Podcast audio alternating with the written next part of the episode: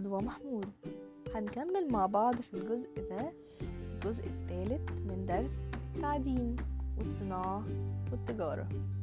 هنتكلم في الجزء ده عن التجارة. زين كان بيسأل ملاذ يعني إيه التجارة دي؟ قالت له يا زين التجارة دي أنت حاجة بتعملها كل يوم. قال لها أنا بعمل التجارة كل يوم إزاي؟ قالت له مش أنت بتشتري كل يوم حاجات؟ آه. قالت له في أوقات صغيرة بتبيع حاجات قال لها بالظبط كده. قالت له هي دي التجارة. التجارة هي عملية بيع وشراء المنتجات والسلع وكمان تبادل الخدمات. أو كمان إن هو نشاط عارف إيه الهدف منه قال لها إيه هو الهدف منه؟ قالت له الهدف منه اننا بننقل السلع بتاعتنا والمنتجات من مناطق الإنتاج زي مثلا المزرعة لمناطق الاستهلاك اللي هي مثلا اللي الناس هتشتري منها. قال لها يعني أنا طول الوقت اللي فات ده كنت بعمل تجارة وأنا مش عارف قالت له بالظبط كده. قال لها دي حاجة حلوة جدا. طب أنا بقى عايز أعرف إيه العوامل اللي ممكن تنجح التجارة بتاعتي دي لما أكبر؟ قالت له عوامل نجاح التجارة فيها اتنين أساسيين. أول حاجة عشان التجارة تنجح لازم يكون في وسائل نقل جديدة ومتنوعة. علشان زي ما اتفقنا إن بيتم نقلها من مكان لمكان تاني. أنت عارف إيه هي وسائل النقل دي؟ قال لها أنا أعرف النقل البري اللي هو عن طريق الطرق. هو في نقل تاني؟ قالت له أكيد. في النقل الجوي كمان اللي هو عن طريق الطيارات وكمان في النقل البحري عن طريق السفن والمراكب. قال لها يعني معنى كده إن في ثلاث طرق أقدر إن أنا أنقل بيها المنتجات بتاعتي لما أكبر؟ قالت له بالظبط كده. قال لها وإيه تاني حاجة؟ قالت له تاني حاجة إن وسائل النقل اللي قلنا عليها دي بتنقل السلع والمنتجات من مناطق الإنتاج بتاعتها لمناطق الاستهلاك.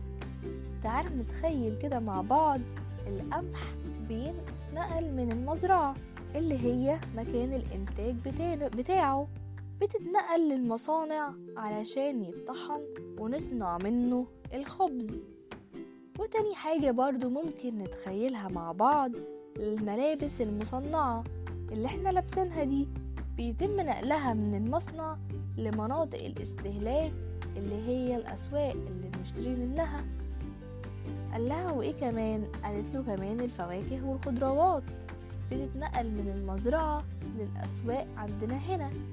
يبقى كده بتقوم وسائل النقل دي بنقل السلع والمنتجات من مناطق الإنتاج لمناطق الاستهلاك. قال لها أنا كده عرفت إزاي ممكن أقدر أنجح التجارة بتاعتي لما أكبر. قالت قال لها طب هو التجارة دي ليها أنواع؟ يعني أنا بقدر إن أنا أعمل التجارة دي في البلد بتاعتي بس؟ قالت له أكيد لأ التجارة ليها نوعين. أول حاجة التجارة الداخلية اللي هي أنت بتعملها دلوقتي. والتانية التجارة الخارجية اللي هي بتكون بين دولة ودولة. قال لها أنا عرفت من أول ما قلتي اسمها إن الداخلية أكيد جوه البلد والخارجية أكيد بره البلد. قالت له بالظبط كده. تقدر بقى تعرف لي دلوقتي يعني إيه التجارة الداخلية والتجارة الخارجية؟ قال لها إحنا ممكن نقول إن هي داخل الدولة وخارج الدولة بس. قالت له لأ إحنا هنزود جملة قبلها هنقول فيها هي عملية بيع وشراء المنتجات والسلع. تقدر تعرفها دلوقتي؟ قال لها آه. يبقى التجارة الداخلية هي عملية بيع وشراء المنتجات والسلع داخل حدود الدولة والتجارة الخارجية هي عملية بيع وشراء السلع والمنتجات بين دولة وأخرى. قالت له برافو عليك انت كده قدرت ان انت تعرفها. بس في حاجة مهمة جدا انت كمان لازم تعرفها ان مصر بتصدر سلع كتير جدا وخاصة لدول افريقيا. لكن كمان بتستورد سلع أخرى. قال لها طب انتي عارفة ان موقع مصر متميز جدا وده ساعدها في التجارة؟ قالت له دي حاجة حلوة جدا أنا أول مرة أعرفها. قال لها يبقى أنا كده عرفت يعني إيه التجارة وإيه هي عوامل نجاح التجارة دي وكمان عرفت أنواعها. وبكده نكون خلصنا الدرس التاني بتاع التعليم والصناعة والتجارة. وخلصنا القصة بتاعتنا. تعالوا نراجع مع بعض على الدرس من أوله على كل النقط اللي إحنا أخدناها.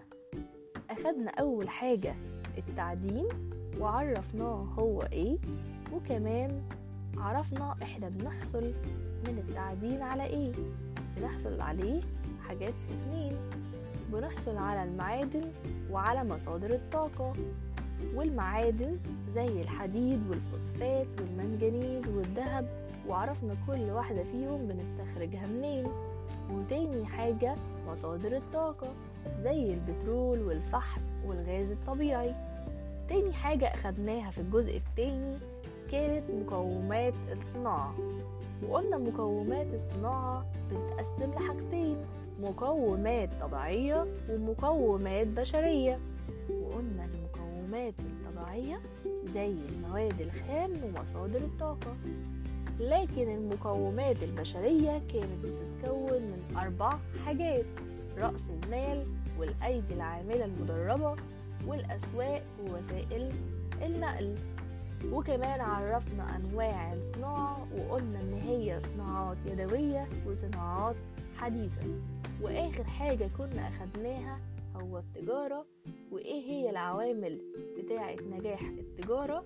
وكمان أخدنا أنواعها.